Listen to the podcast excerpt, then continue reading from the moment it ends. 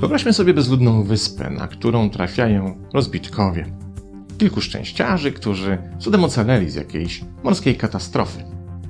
I tak się składa, że tych kilku ocalałych pochodzi z tej samej klasowej wycieczki. W swojej zaś szkole ich klasa jest wzorcową klasą specjalistyczną, przykład klasą o profilu matematycznym. Mamy więc na bezludnej wyspie siedmiu świetnych matematyków, którzy stoją przed kilkudziesięcioma problemami. Wśród nich znajduje się przykład potrzeba zorganizowania bezpiecznego schronienia, zapewnienia sobie odpowiedniej porcji ciepła, szczególnie nocą. Do tego dochodzi jeszcze potrzeba zorganizowania posiłków. I tutaj nie tylko trzeba znaleźć na wyspie jakąś nadającą się do jedzenia roślinność, ale też umieć odróżnić tę, która może stanowić zagrożenie. Przydałaby się też regularna dostawa słodkiej wody, a tu niestety dookoła ocean. Możemy tak te potrzeby wymieniać bez końca, ale przecież dużo lepiej, bo w literackiej formie uczynił to dokładnie przed 300 laty Daniel Defoe w swoim niestarzejącym się Robinsonie Crusoe. Wróćmy jednak do naszych rozbitków. Z czym będą mieli największy problem? Z jedzeniem, wodą pitną czy ochroną przed drapieżnikami? Otóż tak naprawdę ich największym problemem będzie to, że wszyscy oni mają taką samą lub zbliżoną wiedzę. Są jak biblioteka, która posiada jeden księgarski dział, a w nim jedynie książki z matematyki. I żadnych innych nie da się tam znaleźć. I owszem, umiejętności matematyczne, w tym logika rozumowania, to bardzo przydatna wiedza, ale jak się okazuje do rozwiązywania wielu złożonych problemów, niewystarczająca. A gdybyśmy tak popuścili wodze wyobraźni i wymyślili inny zestaw rozbitków na bezludnej wyspie? Jaka wówczas konfiguracja wiedzy poszczególnych członków ekipy byłaby najbardziej korzystna? Przydałaby się biologia, a dokładniej mówiąc botanika, umiejętności ciesielskie, a najlepiej inżynieria o profilu konstruktorskim – może też wiedza związana z geografią, nawigacją itd. Tak i tym podobne. Widzimy więc, że w określonych okolicznościach związanych z potrzebą rozwiązania złożonego problemu, im bardziej różnorodne będą wiedza i umiejętności członków zespołu, tym problem zostanie szybciej i efektywniej rozwiązany. Ale to nie wszystko. Nasza siódemka specjalistów jeszcze musi się umieć ze sobą dogadać czyli rozumieć nawzajem, nie unikać odpowiedzialności, akceptować zróżnicowanie oraz współzależność. I dopiero wówczas efekt będzie najlepszy z możliwych. A teraz zastanówmy się, czy powyższych umiejętności współpracy, akceptacji i wspólnotowej odpowiedzialności uczy się dzisiejsze dzieciaki w dzisiejszych szkołach? Na pewno nie w naszych, chciałoby się powiedzieć. Ale niestety pod tym względem na całym świecie nie jest dużo lepiej. W 2015 roku Organizacja Współpracy Gospodarczej i Rozwoju przeprowadziła olbrzymie międzynarodowe badania, w których wzięło udział aż pół miliona piętnastolatków z kilkudziesięciu krajów świata. Okazało się, że tylko 8% badanych na całym świecie wykazało się umiejętnościami w zakresie CPS. Cóż to takiego? to właśnie nasza cywilizacyjna, zawodowa przyszłość. CPS to skrót od angielskiego terminu Collaborative Problem Solving, który można przetłumaczyć jako kooperujące rozwiązywanie problemów. CPS to unikalny zestaw umiejętności, na które składa się kilka elementów. Pierwszym z nich jest świadomość tego, że złożony problem stanowi wyzwanie dla wszystkich członków zespołu, od których wymaga się zrozumienia, że jego rozwiązanie jest również wspólnym celem. Drugi element jest związany z odpowiedzialnością za własne działania i ich znaczenie w kontekście pracy całej grupy nad rozwiązaniem problemu. Innymi słowy, to odpowiedzialność, u podłoża której stoi przekonanie, że wszystko, co robi każdy z członków grupy, ma nie tylko wpływ na cel działań, ale też na pozostałych jej członków. Trzecim elementem jest rozumienie, że do rozwiązania złożonego problemu potrzebne są zróżnicowane role i wiedza członków zespołu, i że właśnie w tej różnicy jest największa wartość. I w końcu czwartym elementem jest poczucie współzależności, które oznacza, że wkład we wspólne dzieło, co za tym idzie kondycja zawodowa poszczególnych członków grupy, jest współzależna od wkładu pozostałych. Na pierwszy rzut oka powyższe cztery faktory CPS wydają się banalnie proste.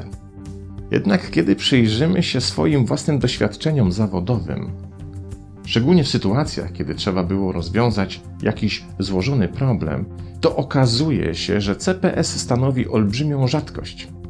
Przecież dzisiaj w wielu firmach, organizacjach czy szkołach uznaje się, że w podejściu do rozwiązania problemu wszyscy współpracownicy muszą mieć to samo zdanie. A najlepiej dokładnie to samo zdanie, co szef, nauczycielka czy jakiś dowolny lider. Jeśli w zespole zdarzy się ktoś, kto głośno wyraża swe wątpliwości, to jest traktowany jako wichrzyciel, który rozbija zespół.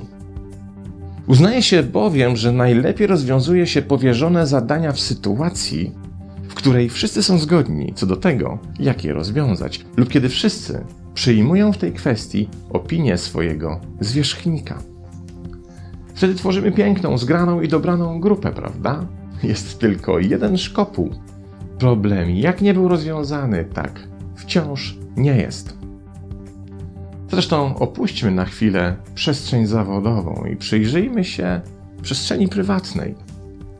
Przestrzeni naszych relacji, które tworzymy z rodzicami, z dziećmi, partnerami czy znajomymi. Otóż w naturalny sposób czujemy się lepiej, dowartościowani i zaakceptowani, jak mówi stare powiedzonko, kiedy sprawy idą po naszemu a to oznacza, że zazwyczaj oczekujemy, iż nasze otoczenie przystanie na nasz pomysł, czy też będzie realizowało to, co sami sobie wcześniej wymyśliliśmy. Jeśli jakiś element naszego otoczenia staje okoniem i głośno wyraża swoją wątpliwość, to traktujemy go jak nieznośny kamień w bucie i mówimy: Och, Janek, ty zawsze musisz się sprzeciwiać. Nie mógłbyś zrobić raz tak jak wszyscy, jak reszta? I kompletnie nie widzimy tego, że w sprzeciwie Janka może się kryć niezwykle cenna wartość. Być może on jeden, dzięki swojej ostrożności, a może nawet upierdliwości, widzi coś, czego pozostali, albo w euforii nadziei na zwycięstwo, albo w poddaniu się woli tego, co potrafi najgłośniej przekonywać, po prostu nie widzą. Niestety czas firmowych karier, silnych indywidualności kończy się na naszych oczach. Dominujący lider przyzwyczaja swoich podwładnych, że lepiej i korzystniej jest się nie wychylać, bo każda wyrażona wątpliwość jest związana z ryzykiem utraty przywilejów. To samo dotyczy wielu sytuacji prywatnych. Musimy nauczyć się akceptować sprzeciw i odmienność. Inną perspektywę widzenia rzeczy, co do których od lat mamy swoje wyrobione zdanie. Taka akceptacja wiąże się z poskromieniem swojego ego. Bo przecież kiedy ktoś się z nami nie zgadza, czujemy, że nasz pozycyjny status może być zagrożony, a wówczas jesteśmy bliscy temu, by za wszelką cenę forsować swoje zdanie w obronie naszej własnej wizji, naszego własnego autorytetu. I wtedy oczywiście przegrywamy jako lider, szef, nauczyciel czy rodzic. Zostajemy w tyle cywilizacyjnego postępu, bo świat potrzebuje dzisiaj i jutro zupełnie innych umiejętności. CPS to nowy rodzaj perspektywy, w której uczymy się, że różnorodność opinii, pomysłów i wiedzy jest wartością, a nie stratą energii i czasu. Ta zmiana perspektywy jest niezwykle trudna, bo przecież od dziecka uczymy się czegoś dokładnie odwrotnego. Z punktu widzenia nauczyciela, Najlepsi uczniowie to nie ci, co wiecznie dyskutują i poddają pod wątpliwość jego pomysły, ale ci, którzy pilnie wykonują powierzone im zadania i nie zadają zbyt wielu zbędnych pytań. Tyle, że niestety i owszem, nauczyciel ma wtedy święty spokój. Ale jednocześnie świat wypuszcza całe rzesze ludzi, którzy w nowych organizacjach, w przyszłych firmach nie będą się potrafili odnaleźć. Tworzy się w ten sposób pokornych wykonawców cudzych idei i pomysłów, a nie lotnych przyszłych liderów, zdolnych zarządzać ogromnymi zespołami specjalistów.